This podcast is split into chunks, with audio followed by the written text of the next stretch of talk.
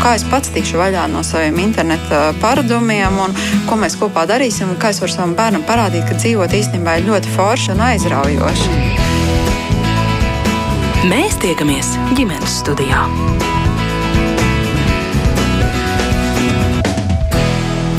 Sveiciens visiem ģimenes studijas klausītājiem. Šķiet, draugi, kur iegūtu izglītojoties vai spotrinot savus talantus, līdzās būs vienmēr. Tomēr tā nav, un viens no pārbaudījumiem draudzībai ir brīdis, kad kāds vai kāda kļūst par māmiņu vai tēti. Daudz draudzības, diemžēl, vienkārši izčākst. Vai tā ir neizbēgamība, kas palīdz saglabāt draugus arī tad, kad ģimenē ienāk bērns, un kā uzsākt jaunas draudzības? Jautājums uzdošu es Mārīdz Jautājumi, bet uz tiem gatavs atbildēt studijas viešņas, ārste rezidente psihoterapijā, jauno vecāku atbalsta, atbalsta grupas psihoterapeite Aleksandra Kromova. Labdien! Un labdien arī Latvijas Universitātes doktorantei, mātišķības pētniecei Elzai Lāmai. Labdien! Bet kā jūs atbildētu par tām draudzībām tātad tajā brīdī, kad piedzimst eh, bērniņš? Neizbēgamība ka draugu lokus kļūst daudz mazāks, vai arī nu, tas ir tāds vienkārši kārtējais draudzības pārbaudījums. Es varu noteikti teikt, ka bērna piedzimšana ir saistīta ar ļoti lielām izmaiņām, un arī izmaiņām draudzībās un draugu lokā. Bet uh, tas nav neizbēgami, ka visas draudzības uh, ar cilvēkiem, kuriem, piemēram, bērnu nav, uh, būs pavisam nost. Ir ļoti daudz nianses, par kurām šodien labprāt parunātu. Jā, noteikti. Bet, Noteikti runāsim, bet Elza, kāds ir jūsu viedoklis? Um, man pat, nu, tā kā es mācības pētniece, man ir uh, īstenībā šajā tēmā, es viņu kā māte seši ar pus gadus, bet uh, kā pētniece piecus gadus, un tad es arī varu teikt, ka, ka stāsti ļoti atšķirās, un, un uh, ka ir, ir draudzības, kas dzimst tikai tāpēc, ka ir bērni, un tad ir draudzības tādas, kuras, nu, varbūt uz mirkli izčākst, un tajā mirklī, kad atkal ir bērni, atkal uzrādās no jauna, bet ir arī tādas draudzības, kas paliek tikai stiprākas un, un, un, un pilnveidojās. Un, um, Jā, varbūt tad vēlāk arī tieši par sociālajiem tīkliem un to, kā jaunās draudzības mūsdienās var, var rasties. Bet uh, man personīgā pieredze ir tāda, ka um, varbūt ka tās draudzības, kas tiešām bija jēgpilnas un ciešas, tās vienkārši izturēja to laika un, un mātišķības slogu. Un, un, tiešām kļuva vēl labākas. Bet, Aleksandra, par tām, kuras izčākst, kāpēc tā varētu notikt? Ar ko es personīgi savā pieredzē saskaros, gan kad manai draudzenei piedzima bērns, gan pēc tam, kad man piedzima bērns, ir tas, ka uh, cilvēki, kuriem pagaidām vai nav bērnu, viņi bieži vien, ir tīpaši sievietes, viņi nesaprot, nu, kādā veidā tad es varu to savu draugu atbalstīt. Uh, vai kādā veidā palīdzēt. Jo no malas tas šķiet tik ļoti nesaprotami, kas tur notiek. Daudzas sievietes, un es īstenībā arī savās laikos, par ko es joprojām nožēloju, ka nu, tad labāk es turēšos attālināti, distancēti, lai netraucētu viņa tur kaut kā pati tik galā.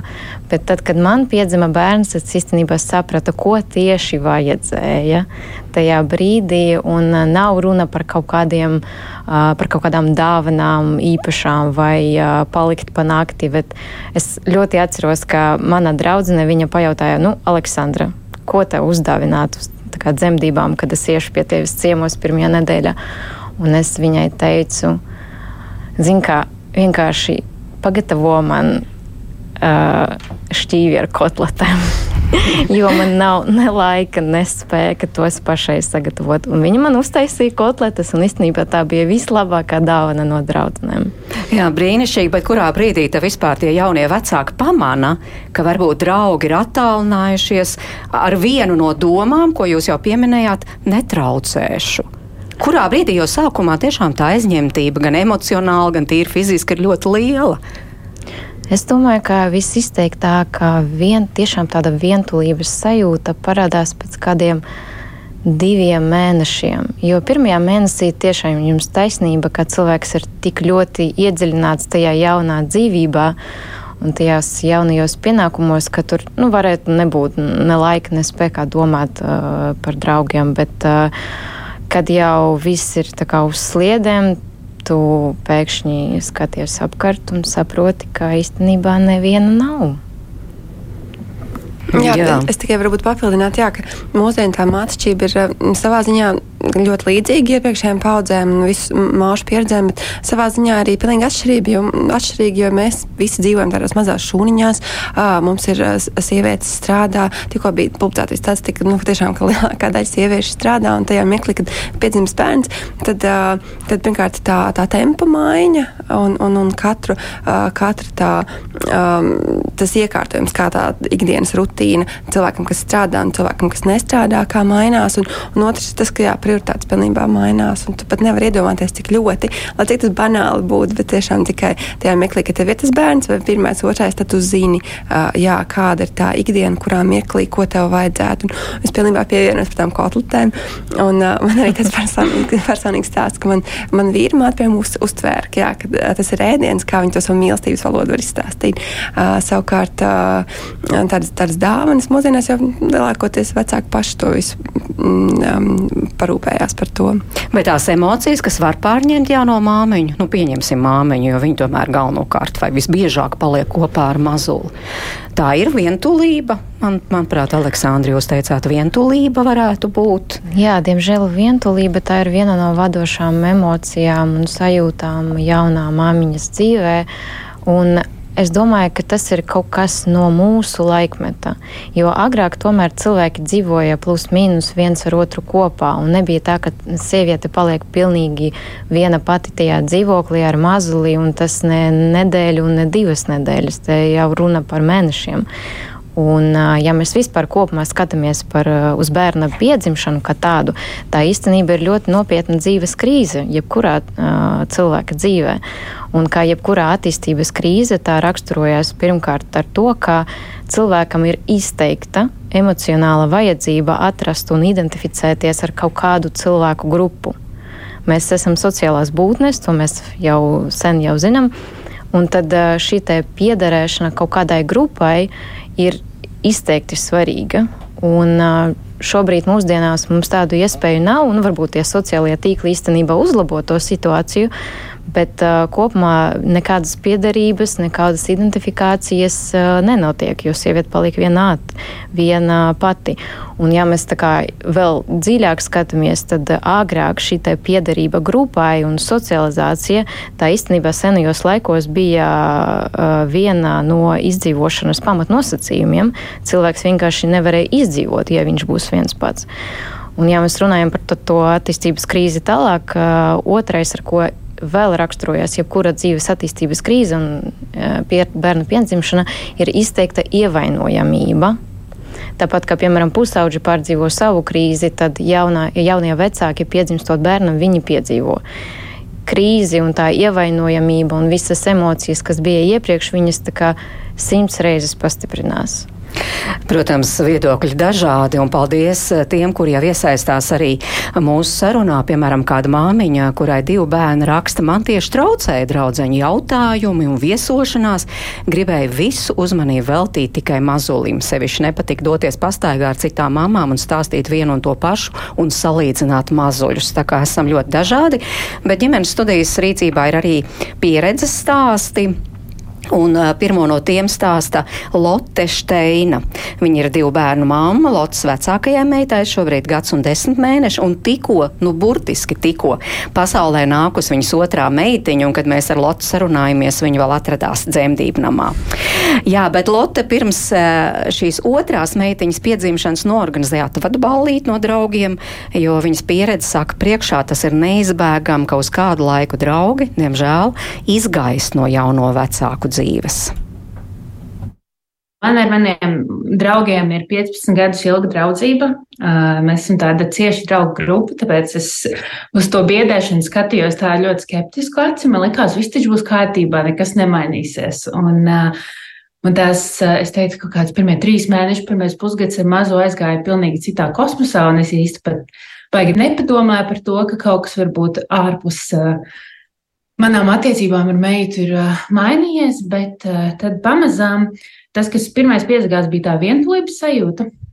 Jo es biju domājusi savā prātā, ka es tagad iešu bērnu kopšanas atvaļinājumā, un ka tas nozīmēs kā, laiku ar saviem mīļajiem cilvēkiem. Bet tā kā man vienīgajai manā draugu grupā ir bērni, es sapratu, ka visi ir darbā. Un tad, kad uh, visi ir mājās no darba, es lieku bērnu gulēt. Un tīri praktiski sākās problēmas vienkārši satikt cilvēkus, jo visi pasākumi notiek vakaros. Un uh, tad es uh, sāku mēģināt domāt, kā es varētu integrēt savu mazulīti, mazo, mazo peciņu, uh, savu draugu rīkotajos pasākumos. Un viņi, protams, centās panākt man pretī, taisīt pasākumus varbūt agrāk vakaros vai nu, kaut kādās vietās, kur bērni ir atļauti, piemēram, nebāros. Bet, nu jā, man visu laiku bija tā sajūta, ka starp mums ir kaut kāda tāda robeža, ka es visu laiku esmu sakoncentrējusies uz savu bērnu vajadzībām, un ka man ir ļoti grūti nu, tajā pirmajā pusgadā, gadā pieslēgties saviem draugiem un pat viņu sarunām. Jo es laikam domāju, ka es tagad nākamreiz zīdīšu, ka es mainīšu pamperu. Bet jums tomēr bija svarīgi saglabāt šo saikni ar draugiem. Jā, man tas bija ļoti, ļoti svarīgi. Tāpēc, es savus draugus ļoti mīlu, un, un es arī zinu, ka viņi mīl mani.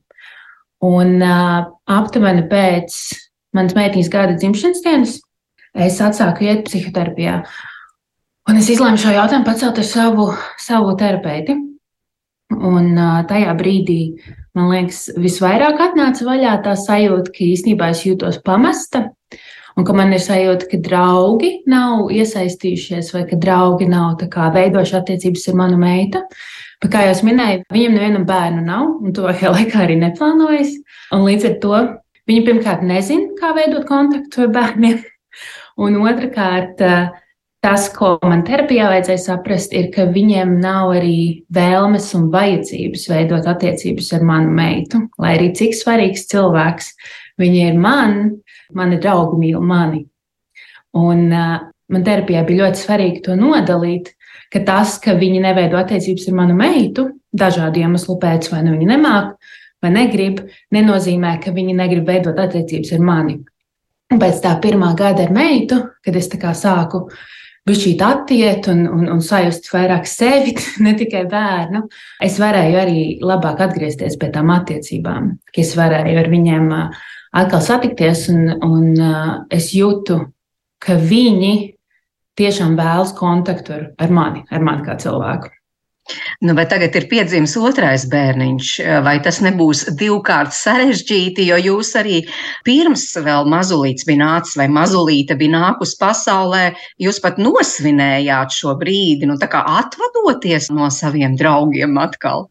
Jā, kaut kādā ziņā es šoreiz varbūt eh, gāju tajā iekšā ar nedaudz realistiskāku skatījumu, ar to, ka es nedaudz uh, pazudīšu tagad uz kādu laiciņu vismaz. Es to skatos kā tādu studiju pieredzi ārzemēs. Man liekas, mēs 15 gadus draudzējoties, esam katrs pareizai aizbraukuši uz ārzemēm, un, un tas ir tāda attālināta draudzības uzturēšana. Un, jā, tā es arī uz to skatījos. Es vienu dienu pirms Valentīna dienas organizēju tikšanos visiem saviem draugiem, savu lielo punktu, ēdam vafeles un, un, un izrunājāmies. Jā, kaut kādā ziņā es nedaudz vairāk palaidu vaļā un ļaujos tam, ka šoreiz mana pirmā prioritāte loģiski arī iepriekš bija meita, bet es vairs tam necīnos pretī. Tas periods būs atkal garš, un pirms tam tas bija. Vai nav bail pazaudēt tomēr to saikni ar draugiem? Man liekas, tas ir jautājums par divām pusēm. Jo es personīgi saviem draugiem uzticos, es ticu, ka viņi gribēs atrast saikni ar mani. Jautājums, vai viņi uzticas man, ka es joprojām gribēšu būt viņa draugs, ka viņš nebūs kaut kā mainījusies. Un uh, tas, ko mēs esam iemācījušies savā ļoti ilgajā draudzībā ir, ka nedrīkst baidīties no ilgiem kā, nerunāšanas posmiem vai ilgiem posmiem, kad mēs esam bijuši prom viens no otra. Tad, kad tu vari, ir jāsatiekās, un tad ir jāskatās, kur jūs esat tajā brīdī. Jo, ja mēs turam aizvainojumu par to, ka mēs neesam tik ilgi satikušies, vai ka kāds nav uzrakstījis, tad nu, tas draudzībai pat labi nenāk. Man liekas, pieaugot, ir jākļūst ļoti devīgam ar to un jāmāk dalīties ar saviem draugiem, jo viņiem dzīves ļoti daudz jaunas kārtas izdalīs. Un, jā, maniem draugiem arī ir dažādas mentālās veselības problēmas, depresija un dažādas tādas problēmas, un arī tā Līdzīgi kā dažādas citas pieredzes dzīvē, bieži vien liek atsevišķināties no draugiem, nerakstīt viņiem, pazust. Un tas arī mūs ļoti ietrenēja piedot un atsākt kontaktu, kad atkal ir iespēja. Nu jā, bet reizēm tā attālināšanās ir tik liela, ka tas kontakts vairs nav iespējams. Nu, vismaz ne tā, kā bija agrāk. Man personīgi tas kontakts joprojām ir tikpat spēcīgs. Arī pēc tā pirmā gada, kad es atgriezos. Man meitiņa piedzima aprīlī, man mājā ir dzimšanas diena. Un es uztaisīju dzimšanas dienas pasākumu, kurā es palūdzu saviem draugiem atsūtīt pēdējā gada svarīgākos notikumus, tādējādi uzzinot, kas viņiem ir jauns. Un es sataisīju uh, diplomus katram, un mēs nosinājām tādu tā kā izlaidumu, kur mēs nosvinējām kaut kādus lielos dzīves notikumus. Man liekas, ieliekot fokusā to, kas otram ir svarīgs, un ja tas cilvēks tev tiešām ir bijis svarīgs, atgriezties pie draudzības ir, manuprāt, viegli.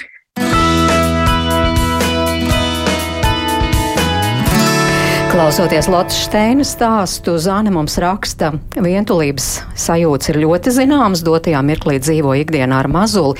Vīrs ir strādājošs, nesaprot, ka tas ir, kā tas ir būt eh, ar šīm vientulības sajūtām, jo ir taču mazulis.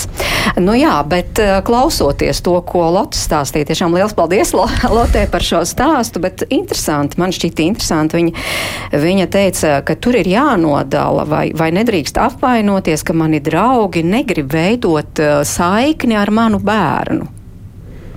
Aleksandra. Jā, tas ir uh, īstenībā ļoti būtisks moments, un es arī piefiksēju to klausoties šo brīnišķīgo stāstu. Uh, pēc visām teorijām, kad piedzimst cilvēks, tad pirmie trīs līdz seši mēneši, tur pēc teorijām atšķirās, mamma kopā ar savu mazuli veido vienu vienīgo vienību.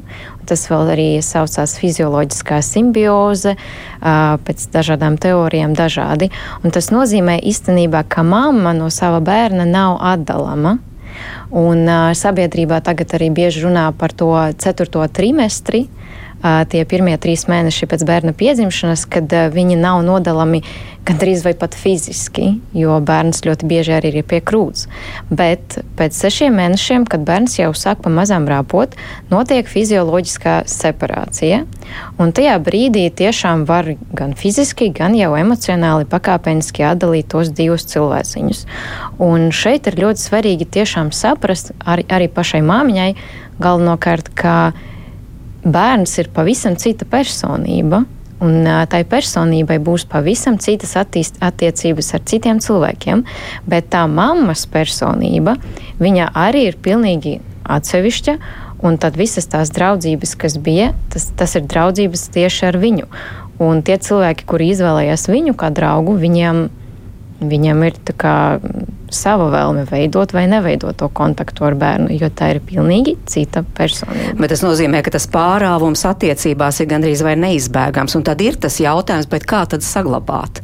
Nu, Lotei tur bija tas ieteikums. Viņa teica, nu tad eh, tiešām ņemam vērā viens otru. Nu, piemēram, draugi ņem vērā to, ka es uz bāriem vairs nevaru iet un satikties, ja, ja piemēram, man jāiet ar bērnu kopā, vai arī viņa tiešām ļoti tā personiski paņem interesējās par katru, kā tā jums šajā brīdī ir gājis, pārunājam un dzīvojam tālāk.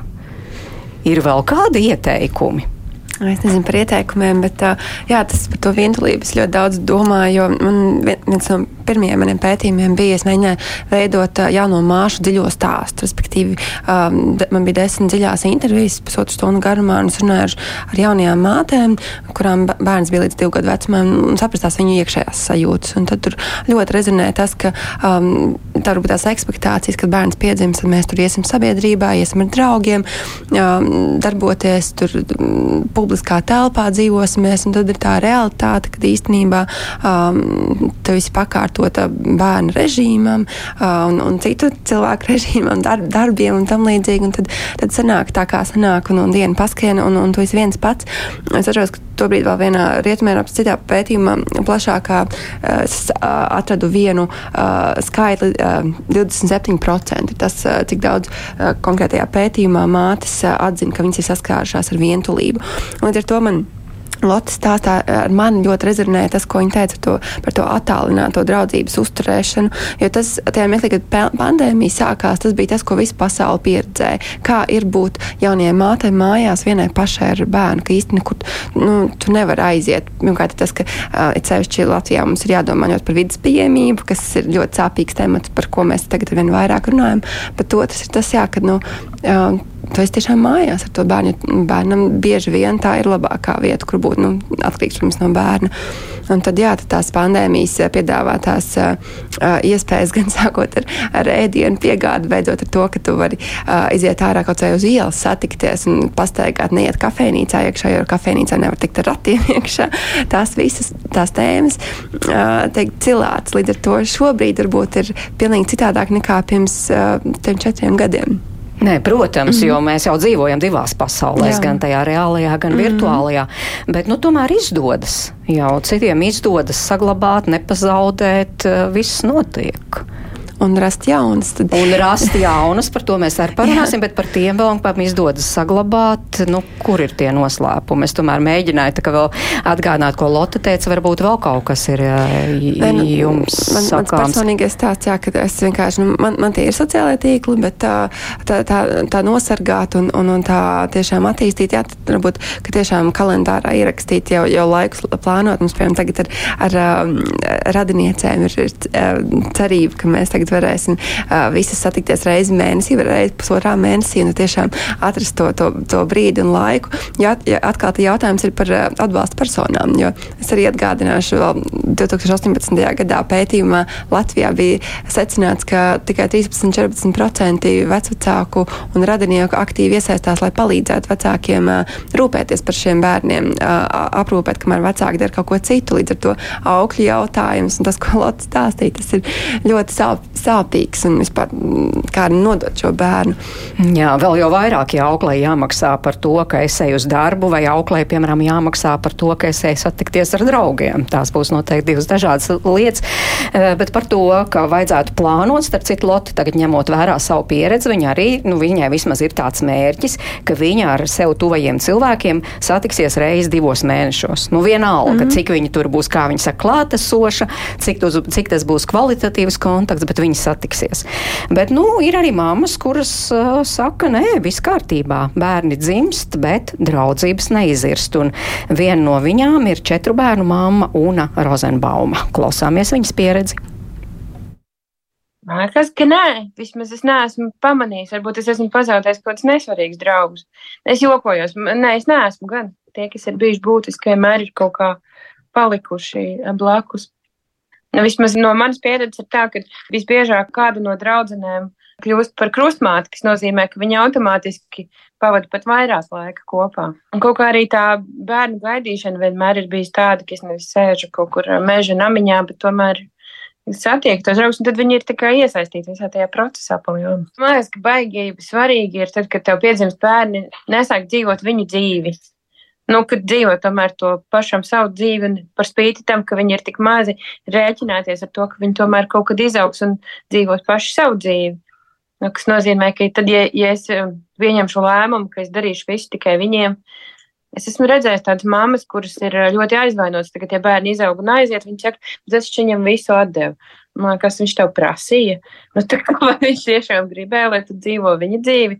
Man liekas, ka tā ir druskuļi tāda slēpšanās aiz tā bērna. Un tad jau no paša sākuma, tā, kad man piedzīvoja vecākais dēls Francis, es pieņēmu lēmumu, ka es nebūšu tāda mamma, kura projicē savas neizdarītās lietas uz bērnu.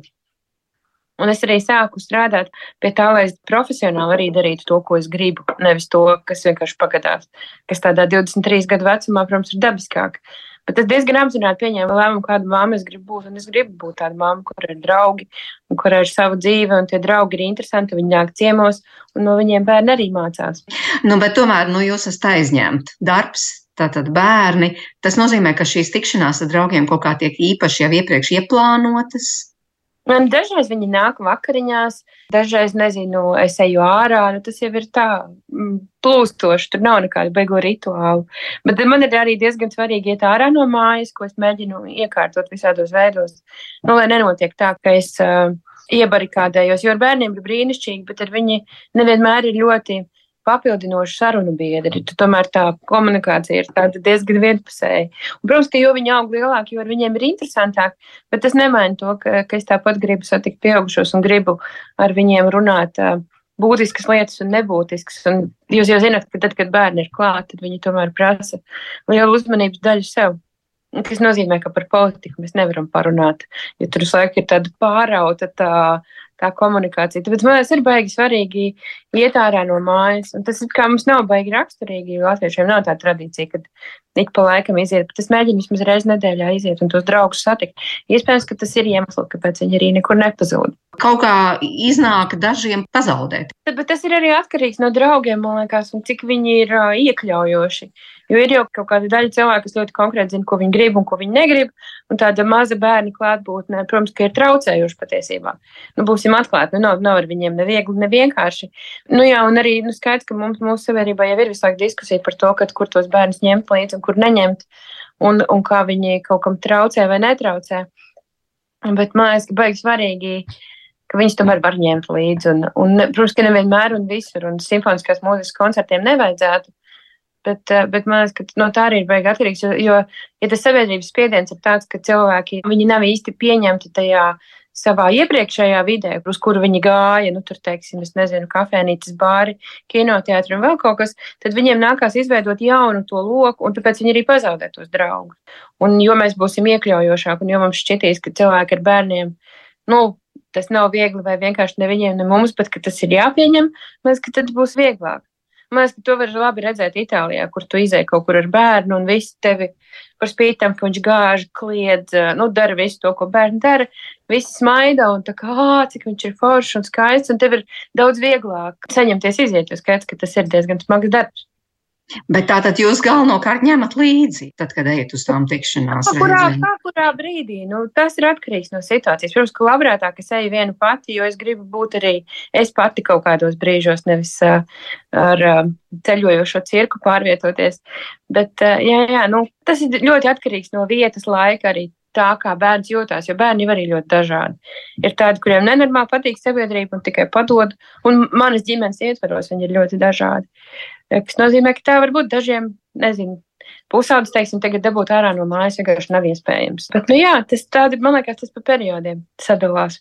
Bet tad jums ir kādi ieteikumi? No nu, tām sievietēm, kuras tomēr saka, nē, grūti, neiespējami un tam līdzīgi. Man tā ir, nu, tātad es tādu lēmumu pieņēmu, un man tā ir patiesībā prioritāte tādai manai labbūtībai. Es zinu, ka bez tās ir ļoti grūti. Un cilvēki bieži izvēlās, nu, ka viņiem tur ir, nezinu, viņus palaiž kāds brīvā vakarā, viņi aiziet uz teātri, kur tu tā kā patērē. Par spīti tam, ka tas ir ļoti eh, būtiski, tu tomēr patērē kāda cita radītu to saturu. Man liekas, ka tā draudzība ir uh, vēl viena lieta, kas ir tikpat būtiska kā teātris un kino, vai es nezinu, aiziešana uz basēnu, jo tā ir tāda mentālā veselība patiesībā. Jo, ja tev nav sarunas ar pieaugušu cilvēku, kurš ir ārpus tavas ģimenes, man liekas, ka ļoti grūti saglabāt kaut kādā ziņā veselo saprātu. Tas tomēr ir super svarīgi. Nu, jā, man ir jāatrod vienkārši laiks un jā, jāizbrīvēs starp jogām un visu pārējo, kas ir pie tā, ka mēs cenšamies būt super veselīga sabiedrība. Mēs, ka tā galvas veselība ir pirmā, ar ko jāsāk. Un tur tie draugi ļoti nodara.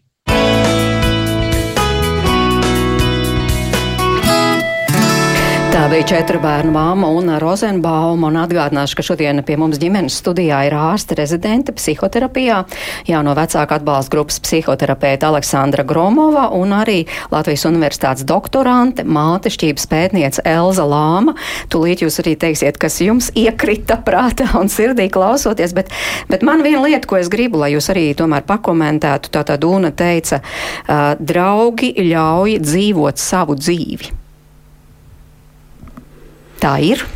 Jā, pilnīgi noteikti. Um, un, un ir lieliski, ka es viņu, es viņu pazīstu. Man ļoti liels prieks uzklausīt to viņas viedokli arī šeit, šeit, šādā formātā.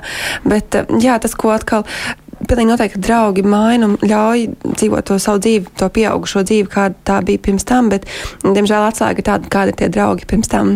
Un, ja tev ir izveidojies jā, šis, šis ciems, šis tas, tas village, ko mēs sakam angļu valodā, it takes a village to, to raise a child, ja tev ir šis ciems, ja tev ir šī saime un, un šie draugi, kas ir iekļaujoši, tad arī tā, tā ikdiena, protams, ir daudz vienkāršāka. Bet, um, tas, eh, varbūt tā realitāte nereti ir tāda, nu, ko mēs arī sastopamies, ka nec sabiedrība ir tik iekļaujoša un, un nav kā Itālijā pie mums. Mums bērnam ir vēl joprojām jābūt diezgan klusam un nemanāmam. Um, tur bija rīta stundai zelta mutē, vai ne? Kā, kāds tas, tas tā paruna par klusēšanu. Um, bet jā, līdz ar to otra lieta, ko es saklausīju, ir, ir tas, ka jā, uh, kas varbūt nav saistībā ar UNU tieši UNAS um, teikto, bet uh, uh, par vīriešiem un šo bērnu kopšanas atrunājumu arī tēviem. Un, jo vairāk mēs pieņemsim, ka sieviete ir arī ārpus mājas un iet un dara to, ko viņa vēlās, atstājot bērnus mājās un dzīvot to pieaugušo dzīvi, arī kamēr bērns ir mazs, nevis iegūst tos jautājumus, kāpēc tu esi ar mani šeit, kāpēc tu neesi mājās pie mazulīša, tad, tad arī nu, būs vieglāk pašai sievietei. Jā, protams, jo tā ir arī tas, kā, kāda attieksme ir vīram vai draugam, piemēram, un arī vecvecākiem. Jā, Nesen bija pieņemts tas jaunais likums, ka tagad vīriešiem arī obligāti ieņem divi mēneši bērnu kopšanas atvaļinājums, kas man ļoti iepriecināja. Es biju ļoti priecīga par to, ka tādi likumi mums tagad ir. Un no savas personīgas pieredzes varu padalīties, ka mums ar manu vīru sanāca, ka mēs sadalījām nejauši bērnu kopšanas atvaļinājumu precīzi uz divām kā, pusēm. Pirmie, divi, divi, pirmie desmit mēneši es biju klāt. Un tad nākamie desmit mēneši mans vīrs bija mājās ar bērnu, un tad viņam bija visas iespējas izbaudīt to pašu, ko parasti bauda sievietes. Un īstenībā tēva emocijas un, pie, un pārdzīvojumi un problēmas, ar kuri viņi saskarās, tādi, tādas pašas kā sievietēm. Tā skaitā arī attālināšanās no draugiem. Attālināšanās no draugiem, sociālā izolācija, vientulības sajūta, izmisuma sajūta. Es ļoti labi atceros, ka tas bija pagājis mēnesis, kopš es izgāju darbā, un tad vīrs mēnesis sēdēja mājās ar bērnu. Es atnācu mājās, un kaut ko es biju nogurusi, gribēju atpūsties, un tad viņš ļoti tādā klusā balsī, bet ar izmisušām acīm prasa, man vispār būs mans brīvais laiks. Un es tajā laikā īstenībā viņam teicu, nē, vairs nebūs. Un uh, tas pats arī ar draugiem, ka uh, nav tā, ka tu vari vienkārši sarunāt ar draugu, hei, pēc stundas varbūt tiksimies tur kaut kādā kafejnīcā vai bārā. Tā vairs nav. Un tas arī tas grūti pieņemt to, ka dzīve vairs nebūs tāda, kāda viņa ir bijusi. Un tas arī ļoti rezonē ar to, kas eh, bija UNAS stāstā par to, ka ir tāds spiediens no sabiedrības eh, būt divās vietās eh, vienlaicīgi. Vienlaicīgi pēc iespējas ātrāk atgriezties savā iepriekšējā dzīvē, būt ar draugiem, būt labā fiziskā formā, socializēties, un tad vienlaicīgi būt arī otrā vietā, tā ir tava dzīve ar mazuli. Un īstenībā dzīve vairs nebūs tāda, kāda viņa bija iepriekš. To ir svarīgi saprast visiem, un arī tiem draugiem. Un arī es atceros, jūs prasījāt, tad, eh, kādi varbūt ir noslēpumi tos draudzību saglabāt. Padoms draugiem ir vienkārši atļaut tavam draugam, kurš tagad ir jauns vecāks, vienkārši pabūt tajā jaunajā, tikko piedzimušajā dzīvē, kur ir pavisam cita. Un vienkārši atļaut viņam, nezinu, cik tas būs, tas ir atšķirīgs katram vecākam, kādi tur pēc mēneša jau var attapties, kādi pēc gada, bet uh, pabūt ar visām tām emocijām, ar jauniem pārdzīvojumiem un vienkārši būt klāt. Mm -hmm. Būt atbalstošiem. Un draugiem neapvainoties par Nekādā to, ka ir gadījumā. tās attiecībās tāds pārāvums. Jā, starp citu, es gribētu palūgt arī, ja nu gadījumā kāds tēts šobrīd klausās ģimenes studiju, kāds jaunais tēts, varbūt jūs varētu mums uzrakstīt, kā tad īsti ir ar tiem draugiem, pazūd vai nepazūd. Un kā jau te teica viešņas, faktiski tā jau arī tomēr kaut kādā ziņā ir tās draudzības pārbaude, cik tā tiešām īsta ir bijusi. Bet, nu, tie, kas pazaudē, Tie meklē no jauna, un daudzi saka, jā, tas ir tieši brīdis atrast jaunus draugus. Un sevišķi atrast varbūt draugus, kur ir līdzīgā dzīves situācijā, kuriem arī ir bērni, un tos var meklēt gan tajā reālajā pasaulē, gan arī virtuālajā. Varbūt par to reālo pasauli, jo nereti tad mammas, piemēram, dodas ar bērniem uz bēbīšu skoliņām. Un faktiski jau tiem bēbīšiem jau neko tur ļoti neiemāca, bet mamām tā ir iespēja socializēties un iespējams arī atrast kādu draugu jaunu. Jā, nu, par tām bērnu skolām varbūt Latvijā viņas nav tik ļoti um, populāras, bet, uh, piemēram, Jaunzēlandē ir šīs, šīs jauno māšu grupas, kur viņi nā, viņas nāk kopā un runājās it kā jā, par, par bērniem, bet īstenībā par, par savām, uh, savām izjūtām. Un, un Jaunzēlanda nav, nav vienīgā vieta pasaulē, vienkārši tāds piemērs. Uh, bet, um, jā, varbūt, ka uh, jums ir labāk komentārs par to, par to reālo draudzību un, un, un bērnu skolām. Jā, jo Aleksandrs arī mm. domāja par to, ka, piemēram, nu, tas tomēr nozīmē iepazīties ar pilnīgi nepazīstamu cilvēku. Es nezinu, vai visiem tas ir tik vienkārši, kā izklausās. Nu, tad ejiet tur uz bērnu skoliņām, tur būs daudz mammas un uz priekšu. Protams, atkarīgs no cilvēka. Dažiem ļoti gribēs atrast jaunus cilvēkus un jaunus kontaktus. Ne visiem, un ne visiem to arī vajag, bet ļoti labi, ka tāda iespēja tiešām ir. Ir visādi mūzikas klubiņi, kur pusgadu, gada vecajiem bērniem iemācā kaut kādus pamat paņēmienus, kā darboties ar instrumentiem. Viņi tur, protams, neviens neko nesaprot, bet māmiņas sēž klāt skatās viena uz otru, saka, ko runāt savā starpā un saprot, ka beidzot es neesmu viena pati ar savām problēmām. Ka beidzot ir cilvēki, kuri īstenībā piedzīvo to pašu kā es. Un tā draudzība, kura veidojās šajā attīstības krīzes fāzē, tā ir ļoti stipra. Un ar lielāko varbūtību tā arī saglabāsies visu dzīvi. Tiešām stipra. Jo pēc tam jau veidojas tās arī draudzības ar vecākiem, kuriem, kuriem bērni mācās vienā bērngārzā, vai skolā, vai interešu izglītības iestādē. Tiešām stipras šīs draudzības. Tā... Ja? Jā, tā būs tā draudzība, kura saglabāsies gadiem ilgi un kura arī piederēs tam nosacījumam, ka nav obligāti jāsarunājās katru nedēļu, lai būtu draugiem. Var nerunāt trīs mēnešus, var nerunāt pusgadu un pēc tam satikties, paskatīties viena otrai acīs, atcerēties visu to gan laimīgu, gan arī briesmīgu kaut kādā veidā laiku un uh, vienkārši atcerēties, ka mēs bijām vienai otrai klāt. Un, uh, man ir, ir personīgs gadījums, ka, uh, kad es biju stāvoklī, gandrīz uh, tuvojos dzemdībām, un tad mēs vienkārši pēkšņi Instagramā ar uh, vienu manu attālināti pazīstamu meiteni sākam sarakstīties. Un kaut kā pa maziņam, pa maziņam jau gandrīz katru dienu sākam stāstīt viena otrai, kā mums iet, jo mums arī bērni ar vienu nedēļu starpību piedzima.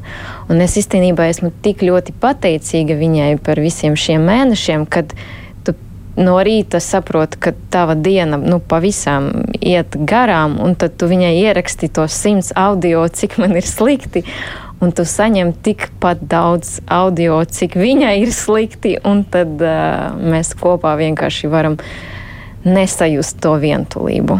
Un, Sociālie tīkli tiešām ir palīdzoši, par to mums raksta arī klausītāji, piemēram, Sanita raksta. Tā notiek, ka drauga manā gadījumā uh, vairs negribēja kontaktēties, mēs bijām draudzeņu grupiņu un arī pārējās draudzenes kļuva par māmiņām.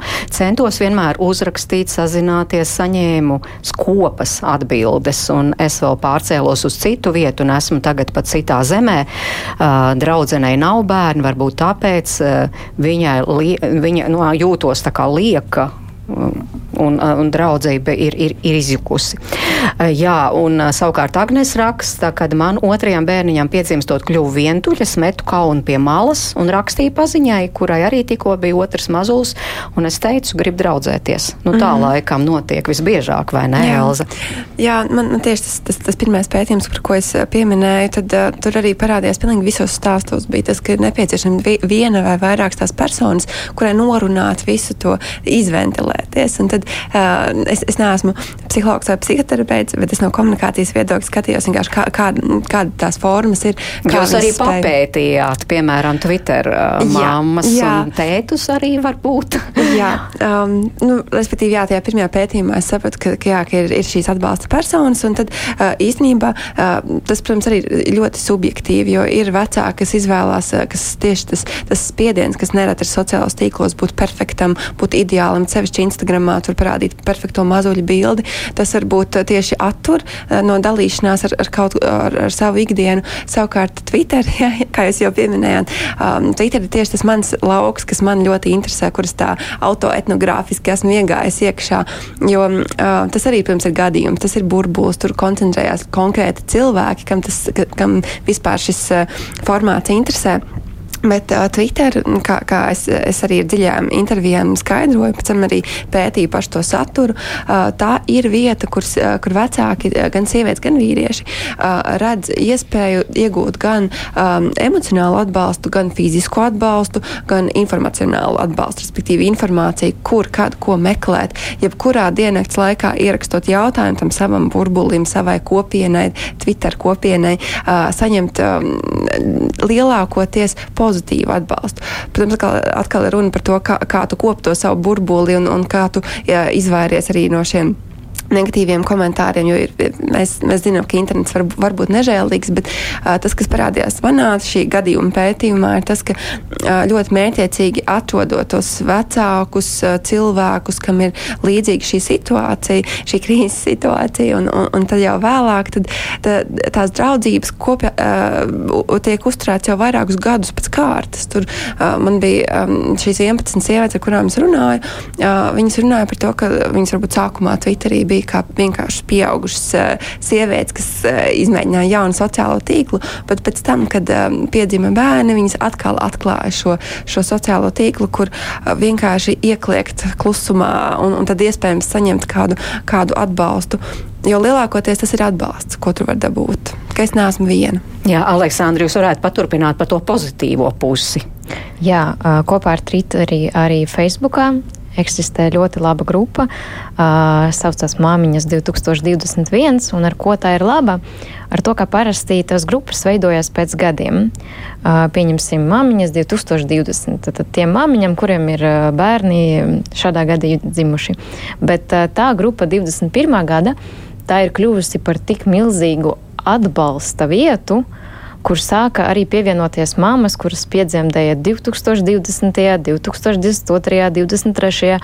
Un uh, tur izveidojās tiešām tāda liela kopiena, kur, kā jūs arī teicāt, es pilnīgi piekrītu, var uh, vienkārši pamest kliedzienu klusumā un saņemt lielākoties to atbalstošo uh, kaut kādu komentāru vai padomu. Un es nevaru teikt, ka tur. Uh, ir kaut, kāds, kaut kāda negatīvā puse. Es īstenībā pat varbūt ar tikai pāris komentāriem sastapos pa visu šo laiku, jo beidzot arī māmiņas un uh, citi cilvēki sāka saprast, ka mēs uh, vienā ar otru nerunājam, lai dalīties ar saviem veiksmes stāstiem. Ja mums vajag veiksmes stāstus, tad mēs dodamies uz Instagram. Kā viena dalībniece jauno vecāku grupa vienreiz teica, man ļoti patika šis teiciens. Bet uh, tad, kad mammas jau vairāk personīgi viena ar otru runā, tad viņi arī savā starpā saprot. Mēs tagad runājam ne lai dalītos ar veiksmes stāstiem, bet gan lai dalītos par tēmām, kuras sāp. Nu, tomēr Justīna mums raksta, sociālajiem tīkliem uh, un māmiņu fórumiem neusticos, ir bijusi negatīva pieredze ar tiem, piemēram, ar to pašu vientulības sajūtu.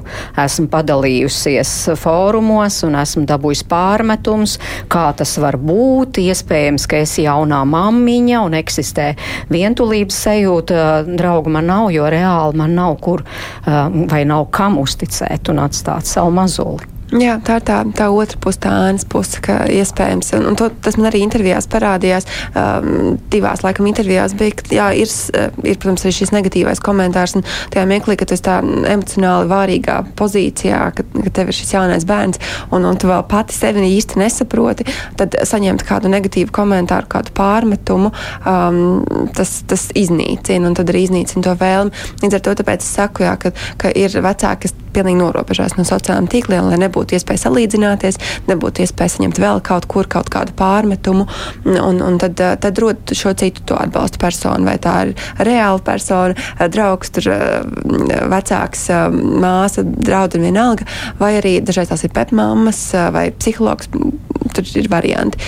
Bet, um, te atkal runa jā, par to burbuļu kopšanu un to, ar, ar, kā mēs meklējam tos cilvēkus. Jo vairākas mammas man arī norādīja, ka no nu, agrāk tāļu fórums bija ļoti populārs, tad tur arī aiziet, ka sākumā varbūt šī grupa ir paredzēta kaut kam tam, un, un tad tas, tas viss mainās un, un transformējās.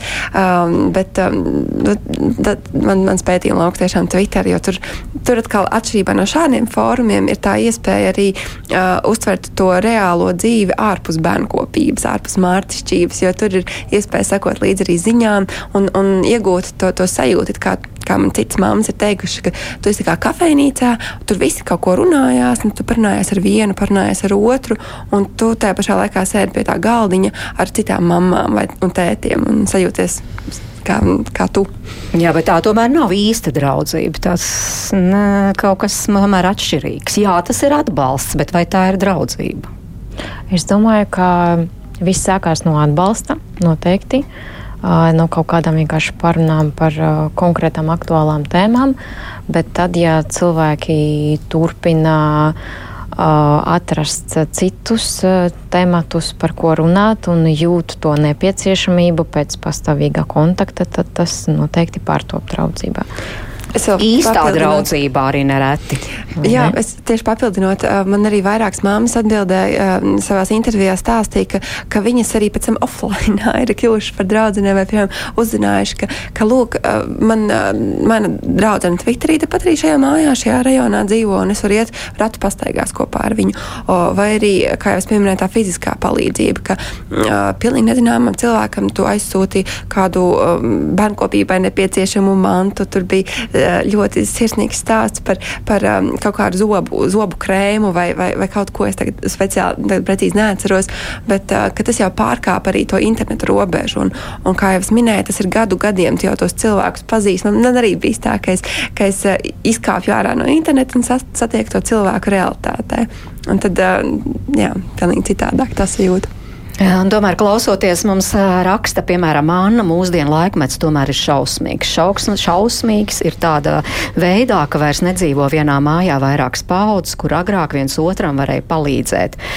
Piemēram, vecvecāki palīdzēja audzināt mazbērnus, tajā pašā brīdī jaunā mamma varēja doties darbā, pelnīt naudu un tā tālāk un tā joprojām. Un, protams, arī varbūt pat draudzēties un līdzīgi piekrīt arī viengadnieces mamma. Viņa raksta, Manā pieredzē ir skaidrs, ka ir nepieciešams vesels ciems, lai uzaudzinātu bērnu. Esmu bezgalīgi pateicīga saviem vecākiem, kas mazmeitu labprāt eh, nedēļas nogalēs pieskata, kad es varu doties uz tautas deju mēģinājumiem un koncertiem. Un tomēr līdz šim ļoti daudz, kopš meitas trīs mēnešu vecuma, esmu ņēmusi līdzi arī uz turieni, jo uzskatu, ka bērns ir sabiedrības sastāvdaļa un arī bērnam jāmācās adaptēties sabiedrībā. Esmu pateicīga, protams, meitiņas raksturam, kas ļauj arī arī doties te jebkuru un atstāt pieskatīšanai jebkuram, ko labi pazīstu. Draugi ir atsaucīgi, bet ar viņiem ir jārunā un jāplāno laicīgāk lietas un iniciatīva jāizrāda mammai, kur vairs nevar būt tik spontāna. Varbūt arī tāds labs noslēgums mūsu sarunai. Tas, ar ko mēs sākām, kad dzīve ir mainījusies, Jā, es pilnībā Tas piekrītu. jāņem vērā, jā. Jā, es pilnībā piekrītu, nu, bet uh, es, es domāju, ka mēs uh, neatgriezīsimies vairs, vairs tajā dzīvē atpakaļ, tāpēc, ka mēs dzīvojam ilgāk, arī vecākiem ir savas dzīves un darbi, un, un uh, vienkārši mums ir jāpieņem tās pārmaiņas un jāņem labākais, kas, kas, nu, ko mēs varam paņemt no tās visas situācijas. Uh, un, un, un tā varbūt arī noslēdzot. Uh, lai gan internetam ir ļoti daudz ēnas puses, tad tomēr tās, tās draudzības, arī reālās draudzības caur WhatsApp, caur uh, Zoom ziņām var arī šādi saglabāt. Aleksandra, kādu punktu jūs liktu? Uh, es uh, gribu likt punktu uz to, ka tā draudzība starp uh, to jauno māmiņu vai tēvu un tad, uh, kādu citu cilvēku, kuram varbūt šobrīd bērnu nav vai ir izauguši, uh, ir arī visu laiku jāatcerās, ka tā ir spēle diviem cilvēkiem, nevis tikai vienam. Mēs varam ļoti daudz un dikti runāt par vientulības sajūtu jaunām māmiņām, par to, ka viņi nav tik spontāni, bet mums arī ir jāatcerās par tiem draugiem, par to, kā tā ir arī viņu kaut kādas emocijas un jauna atbildība un jauna tas draudzības veids.